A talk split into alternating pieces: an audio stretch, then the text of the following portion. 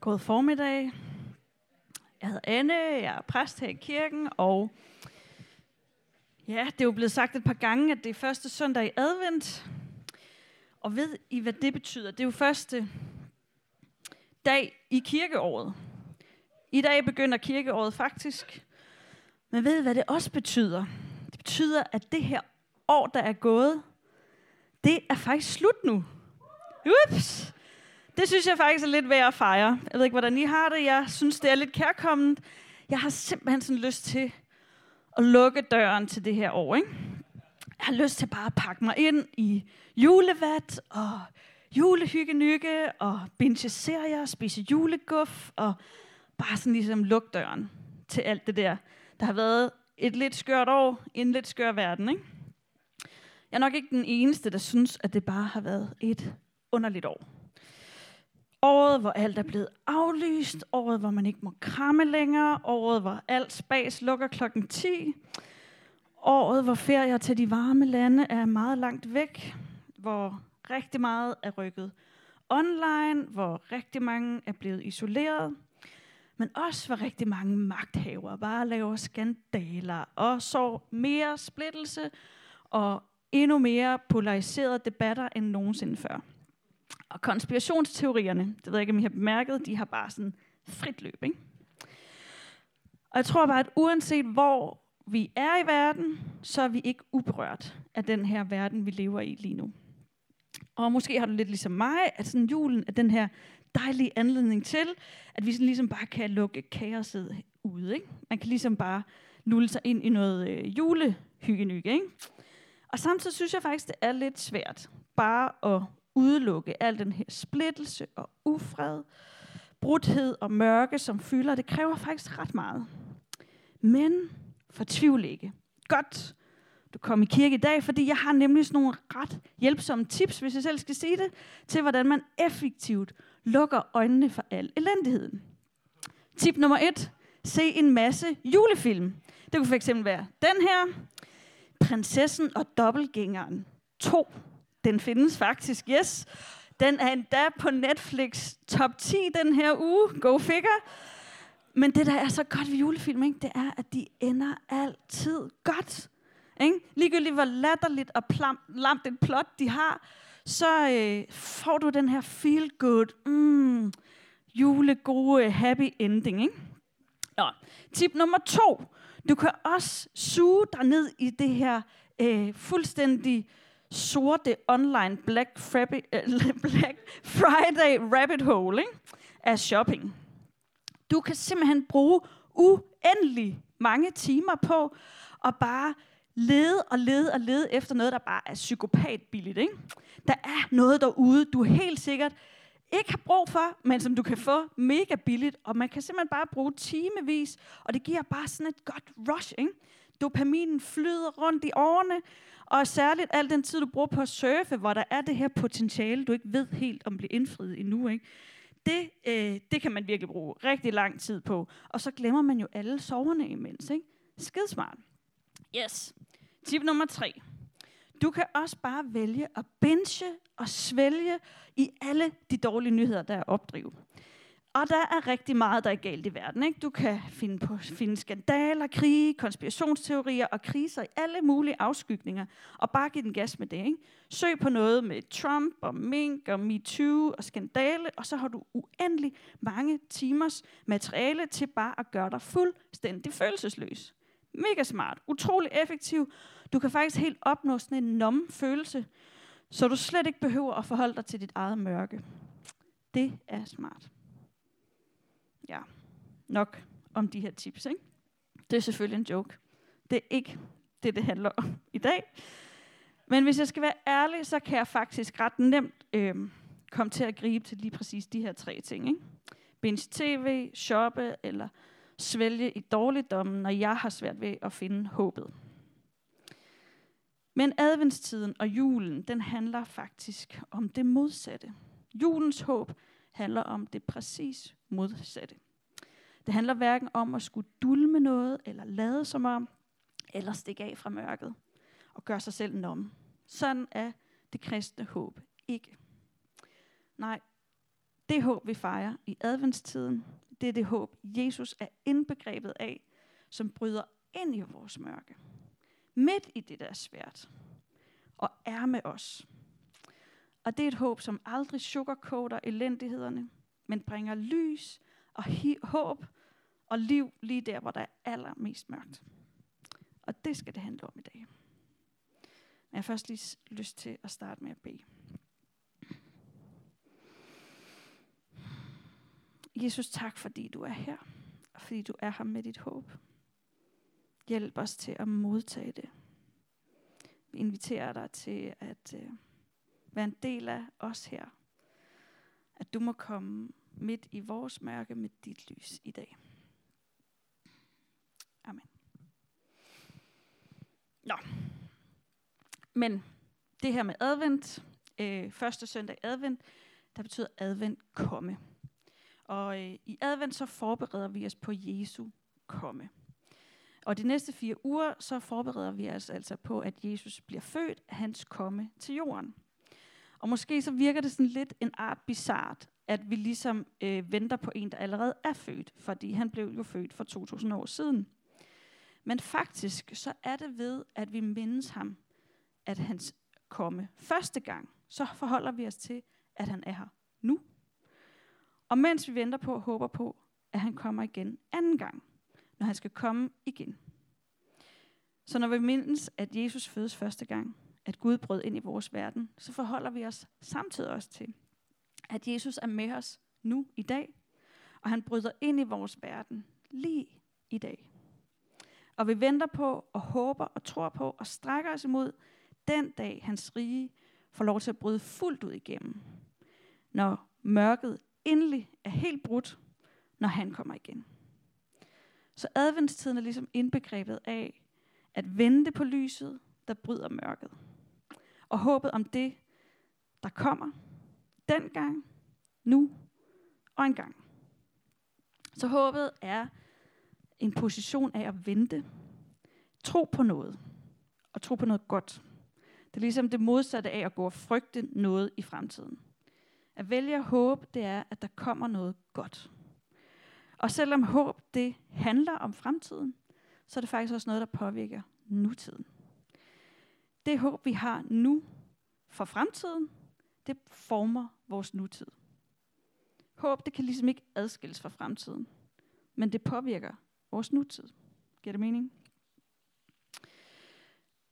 Så ved at mindes nu her i adventstiden, håbet om Jesu komme, og meditere over det håb, som kom, som er her nu, så bebuder vi også hans anden komme, når han kommer engang.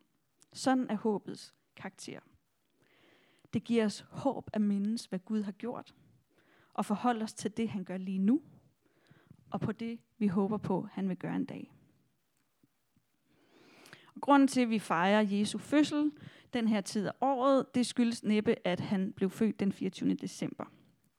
Og faktisk, så er det heller ikke bare fordi, at vi har sådan en erstatning for en eller anden vintersolvævsfest, hvor øh, der var nogle asertroende, som ligesom ikke gad at øh, slippe, eller de havde brug for en fest, ikke? de savnede at feste, så derfor så smed vi lige julen ind der, hvor de ellers havde en fest. Ikke? Nej, det var faktisk en måde, hvor de kristne, der kom til Norden, det var deres måde at kunne forklare evangeliet på. De gode nyheder om Jesus på. Ved at hans fødsel ligesom blev fejret her lige ved vintersolvæv, så havde de faktisk et kraftfuldt billede til at forklare, at med hans komme, der kommer lyset. At han bryder midt ind i det allermørkeste med hans lys. Med Jesus vender det hele. Ved hans fødsel, der vender det hele. Hvor alt før var mørkt, så begynder håbet. Hans fødsel, det bebuder, at nu har mørket tabt.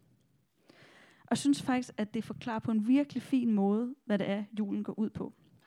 Og når vi læser i Lukas evangeliet, så leder evangelisten Lukas os hen til at forstå, hvad det var for et mørke, Jesus rent faktisk blev født ind i.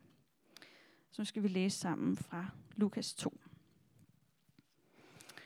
På den tid befalede den romerske kejser Augustus, at der skulle foretages en folketælling i hele kejseriet. Denne folketælling foregik før den, som fandt sted, mens Quirinius var guvernør i Syrien. Alle tog afsted for at lade sig indskrive på listerne i den by, de stammede fra. Og da Josef var kong Davids slægt, måtte han rejse fra Nazareth i Galilea til Bethlehem i Judæa, Davids fødeby.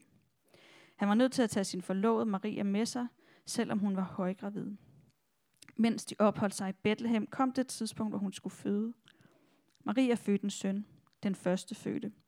Hun svøbte ham i et tæppe og lagde ham i en krybe i staldrummet, for gæsteværelset var optaget. Samme nat lå nogle hyrder under åben himmel og vogtede på får ude på marken uden for byen. Pludselig stod der en engel foran dem, og hele landskabet lå badet i et strålende lys fra Guds herlighed. Hyrderne blev forskrækket, men englen beroligede dem. Vær ikke bange, sagde han. Jeg er kommet for at fortælle jer en stor og glædelig nyhed, som angår hele folket. I nat er jeres frelser født i Davids by. Det er Messias, og han er jeres herre. Det her skal være et tegn for jer. I vil finde et lille barn, som ligger i en krybbe, indsvøbt i et tæppe. I det samme brød himlen ud i jubel. En her af engle lovpriste Gud med følgende sang. Al ære til Gud i himlen og fred på jorden til dem, der gør Guds vilje. Ja, som vi læste om her, så er der den her folketælling under kejser Augustus. Det er et historisk faktum, som andre evangelister, altså de andre, i de andre tre evangelier, undlader at fortælle. Men det er faktisk en lille detalje, som øh, Lukas, der ret tit er sådan optaget af de her historiske sammenhæng, han faktisk fortæller om.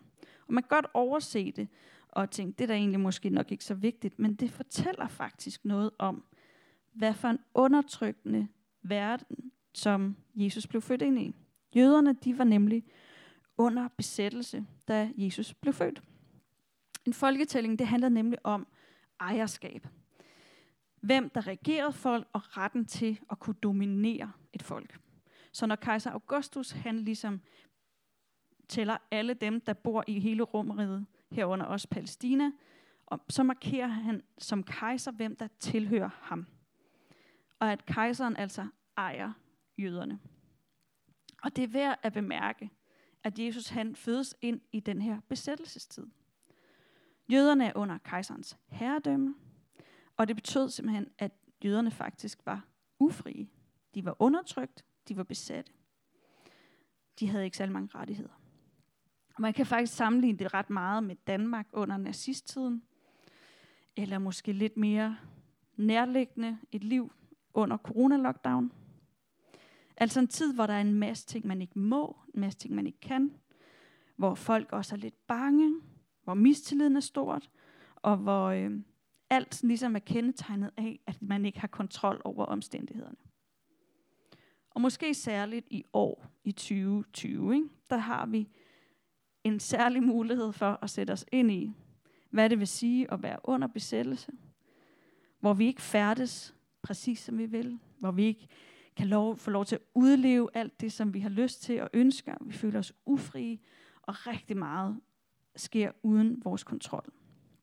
Og det er simpelthen netop den her tid, Jesus han fødes ind i. Det er ikke sådan en eller anden storhedstid for jøderne, det er faktisk tværtimod en mørk og en svær tid. At Jesus han skulle komme, det var faktisk blevet forudsagt meget længe inden. At der skulle komme en messias, en frelser, det kan vi læse om i Esajas, som er en bog i Bibelen af profeten Esajas, som levede faktisk omkring 800 før Jesus blev født. Han, nå, og vi kan læse om, hvordan det håb, der kommer, det blev tændt faktisk flere hundrede år inden han kom. Og lyt en gang, hvad det håb gik ud på. Det folk, som går rundt i mørke, skal se et strålende lys. Lyset vil skinne på alle, som lever i dødskyggens land. Herre, du gør julen stor. Du fylder os med glæde, som når høstfolk fryder sig over høsten, som kriger jubler, når de deler byttet. For du bryder det tunge å, som hviler på vores skuldre, knækker slavefodens kæp, som da du frelste os fra midjanitterne. Støvlerne, der trampede i krigen, og kapper, som er sølet i blod, skal brændes op, fortæres af ilden. For et barn er født os, en søn er skide.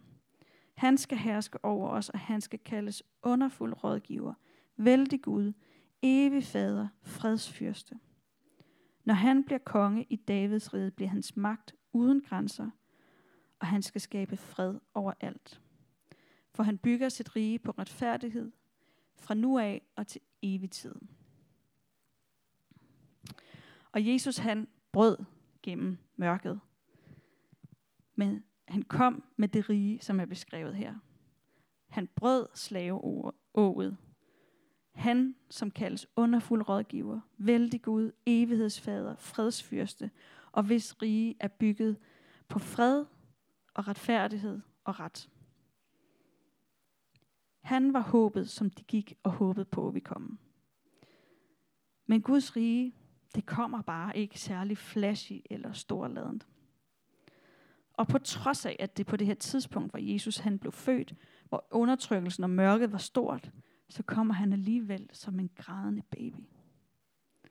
Må ikke jøderne havde forestillet sig lidt noget med, at øh, der ville komme noget svær og krudt og kugler, eller et eller andet, når de havde læst de her forudsigelser fra Esajas. Men ikke de havde håbet rimelig meget på sådan en her, eller sådan en kaptajn, eller sådan, der kunne bare smide romerne ud, og, så de kunne få frihed. Ikke? Men alligevel, midt i deres mørke, midt i den her undertrykte tid, så kommer Messias som en grædende baby. Helt lille, fattig, skrøbelig, som noget, der kunne virke totalt ubetydeligt. Men det var ikke ubetydeligt. Ikke fordi, at babyen blev til en herrefører, der voksede op og smed romerne på porten. Nej, det var faktisk meget større end det. Med ham så tog Gud nemlig bolig i blandt os. Med ham så fik Gud kød og blod på. Med ham så blev døden overvundet. Han demonstrerede Guds rige, som ikke består af vold og magt, men af kærlighed, af frihed, af noget, af godhed – Præcis som Esajas faktisk beskriver det. Men jævnt på hovedet af det, som vi mennesker vil læse ind i den her tekst ofte. Ikke? Så hvad er det, vi håber på? Hvad er det for en frelser, vi egentlig håber på? Altså min forestilling om, hvordan det er, når Gud skal gribe ind i mit liv, ikke? det er ofte noget med, at han skal komme og fikse nogle ting. Sådan lige trykke mit liv lidt, så det bliver sådan lidt mere nice, lidt bedre bare sådan, altså sådan mit eget liv bare lige lidt federe med sådan lidt flere penge, lidt mere indflydelse, lidt mere romantik, lidt mere nydelse, sådan hvor jeg vinder lidt mere i spil og sådan noget, får lidt mere succes. Guds rige kan i mit hoved ret nemt blive sådan en super udgave af jorden, ikke? Sådan bare med sådan godt med mirakeljulestøv på, ikke? Men det beviser måske bare, at jeg har en seriøst dårlig fantasi. For sådan opererer Gud slet ikke. Det er slet ikke det håb, Jesus kommer med. Han er ikke sådan en lille fikser, vel? Nej, men han kommer i det små. Han kommer på en fin og mild måde. Ikke for at bare rive os ud af alt det dårlige. Ikke for, at vi kan stikke af og undgå smerte. Nej, han kommer faktisk midt i smerten. Midt i mørket med hans håb, der skinner, med fred midt i alt det her kaos. Og heri ligger håbet om forvandlingen. Og ved hvad, vi får simpelthen lov til at partner med det her lys, med kongen af det her rige. Og det virker måske lille og ubetydeligt, og det kommer ikke med den store fanfare. Men når det får lov at vokse frem, så er det virkelig kraftfuldt.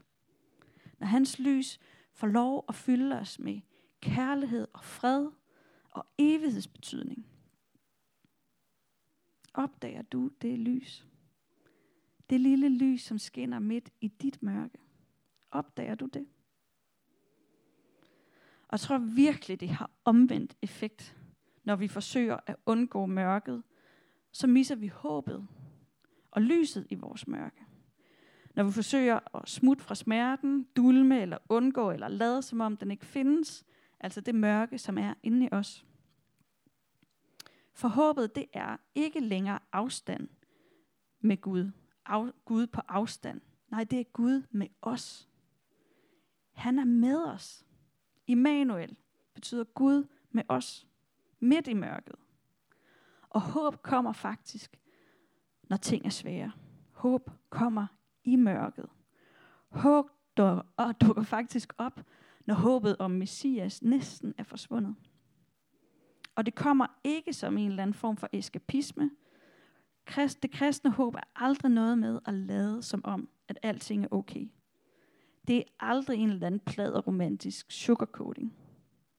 Nej, som vi læste om i Lukas, så kommer håbet på det allerlaveste sted i en lade. Midt i det mørkeste, og der skal vi faktisk hen for at møde ham. Og derfor kan jeg også virkelig godt lide det her billede med vintersolvæv. Det er lidt det, som vi i Vineyard kalder the now and the not yet, eller allerede endnu ikke. Det forklarer nemlig, at den tid, vi lever i, med Jesu fødsel og hans død på korset, så er vi faktisk på den anden side af vintersolvævet, af mørket. Lyset, det har faktisk vundet. Det har faktisk brudt igennem. Men det er også stadig ret mørkt, ikke? Jesus har vundet. Guds rige, hans nærvær er lige her. Men der er stadigvæk så meget, der slet ikke har underlagt sig ham og hans rige. Der er så meget, der er så galt i verden. Og det er den spænding, vi lever i. Vi går mod lysere tider. Mørket er brudt. Men der er stadigvæk ret mørkt. Jeg ved ikke, hvad I synes. Her er december. Rimelig mørkt. Det er ikke december endnu. Men lige om lidt. Ja. Men når vi lukker ham ind, så er Gud med os. Når vi lader ham være sammen med os i smerten og i mørket, og vi mærker hans lys. Det begynder ofte i det meget små, men det kan vokse, og vi har et håb om, at en dag vil lyset bryde igennem fuldt ud. Og indtil da, der inviterer ham, vi ham ind i vores dysfunktionelle familiekomsamler, ind i vores afhængigheder, ind i vores angst, der hvor vi oplever, at vi kommer til kort, i vores egoisme og ind i kampene. Og ved I hvad, Jesus han deltog også i latterlige familiesamlinger. Han blev også såret. Han oplevede også modgang og skuffelser og uretfærdigheder. I den grad uretfærdigheder. Men han er med os, og han forstår os. Og vi kan lade hans nærvær forvandle os indefra. Vi kan lade hans håb forme os. Ikke som ved at dope os med shopping og serier, eller hvad du nu tyr til. Men vi kan lade adventstiden være en tid, hvor vi stiller os i en position over for ham. I forventning til, at han vil forme os. Når hans lys får lov at ramme vores mørke. Så kan vi være bærer af hans fred. Midt i al den ufred, som vi møder. Så kan han være vores retfærdighed. Midt i alt det uretfærdige. Så kan han give os helhed midt i brudte relationer han kan være vores mening midt i det meningsløse. Og han kan fylde os med en kærlighed, der hvor vores egen er sluppet op. For Jesus han kommer ikke med vold og magt. Og det er ret sjældent, at han bare sådan lige fikser omstændighederne. Det sker nogle gange. Men for eksempel for jøderne, de blev jo som bekendt ikke befriet fra romerne på Jesu tid. Og i 70 i år 70, der øh, blev templet ødelagt, og Jerusalem blev brændt ned, og jøderne blev spredt ud over hele verden. Not so much fixing der, vel? Så hvis vi sætter vores håb til, at vi bliver reddet af en vaccine, at politikerne stopper med at gøre dumme ting, og vores familier pludselig bliver super velfungerende, det har nok lidt lange udsigter. I'm sorry. Det hører måske mest i kategorien til ting, der først løses, når Jesus engang kommer igen når hans rige bryder helt igennem. Who knows? Jeg skal ikke tage håbet fra jer. Men der er faktisk et håb nu. Der er et håb for den her tid, vi står i nu. For fredsfyrsten er blevet født. Han er hos os nu. Han har brudt mørket. Og vi kan invitere ham ind med hans lys midt i vores mørke. Og lad det forvandle os, og lad det være vores håb. Jeg kunne godt tænke mig, at øh, vi her til sidst bad sammen, inden vi fejrer nadver. Jeg ved ikke, om den her tale har fået dig til at tænke over nogle områder i dit liv, hvor der mangler noget, eller hvor der bare er lidt mørkt. Jeg ved, at jeg helst gerne vil undgå at kigge for meget på det. Men jeg tror, og jeg har simpelthen igen og igen erfaret, at når jeg tør se på mit eget mørke, og være sammen med ham i det mørke, så er det ikke håbløst længere. Så bliver det tværtimod fyldt med håb. Og hvis du tænker, du mangler Guds rige, at du mangler hans håb, og du måske misser det nemt, fordi det virker lidt lille og lidt skrøbeligt, så er min opmuntring til dig alligevel at invitere ham ind og se det her lille lys vokse frem. Og ikke bare dulme dit mørke med alt muligt andet, men prøv at få øje på det der lille lys, som er der. Og hvis du her rent faktisk gerne vil invitere Jesus ind i dit mørke, så vil jeg rigtig gerne bede med dig om lidt, at han må få lov til at bryde ind i vores mørke, så han kan være sammen med dig i dit mørke. Og du må turde kigge på det med ham, uden at dulme og skride eller ignorere det. Det kræver lidt mod, så det vil jeg gerne velsigne. Og hvis du nu er her, alting er godt i dit liv, så bare sige, øh, fedt, det fejrer vi med dig. Du må bare gerne gøre det lidt et andet sted. vi vil også rigtig gerne rumme dig. Øhm, men jeg har bare lyst til at bede for jer, som har lyst til at være en del af den her proces med at invitere hans lys ind i dit mørke. Så har ikke alle sammen lyst til at rejse jer op. Og hvis du nu har lyst til at være med i den her bøn, så kan du øh, række hånden op. Der sker ikke andet end, du bare sådan markerer, at hey, jeg vil faktisk gerne være en del af den her bøn. Behøver ikke, men det kan man gøre. Og så vil jeg gerne bede for dig og bede for os. Ja.